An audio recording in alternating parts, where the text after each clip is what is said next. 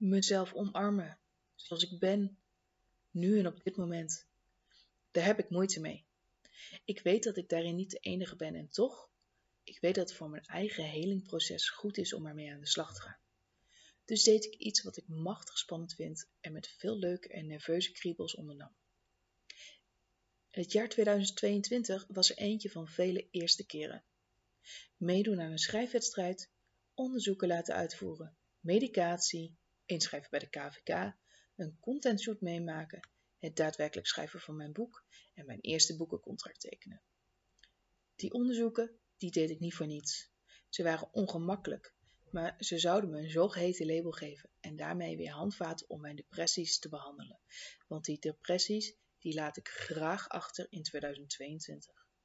Te midden en zo ongeveer op het hoogtepunt van een van de diepe depressies zag ik een open plekje bij Tess. Ik volgde haar al een tijdje en twijfelde iedere keer of dit iets voor mij zou zijn. Iets om mezelf te accepteren zoals ik nu ben. Niet op mijn best, maar ik mag er zijn. Die open plek, dat was mijn teken. Haar wachtlijst is tot einde 2023 en ik moest nu mezelf leren omarmen, om niet dieper weg te vallen. Het last minder plekje was voor mij het teken dat ik er ver kon gaan. Nee, voor moest gaan.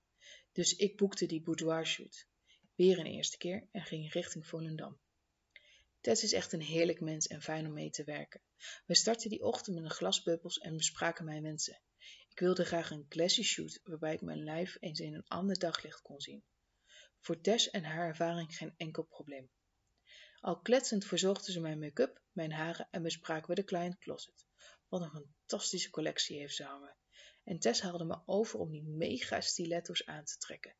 Niet dat ik erop kon lopen, wel top voor de foto's. Of het awkward was? Absoluut. Niet eens het feit dat ik uit de kleren ging en meer van mezelf aan een vreemde liet zien dan ik ooit had gedaan. Daarin voelde ik me eigenlijk machtig op mijn gemak. Verbazend gemakkelijk ging dat. Mijn vertrouwen in Tres was groot. Wie weet dat het glas met bubbels daar ook wel een hulpmiddel in was. Eigenlijk het enige dat echt ongemakkelijk was, waren de poses. Het voelt zeker in het begin zo onnatuurlijk, totdat je een blik op de foto's mag werpen. En eerlijk is eerlijk, ik barstte volledig in tranen uit. Ik kon niet geloven dat ik dat was. Die mooie vrouw daar op de foto, dat ben ik.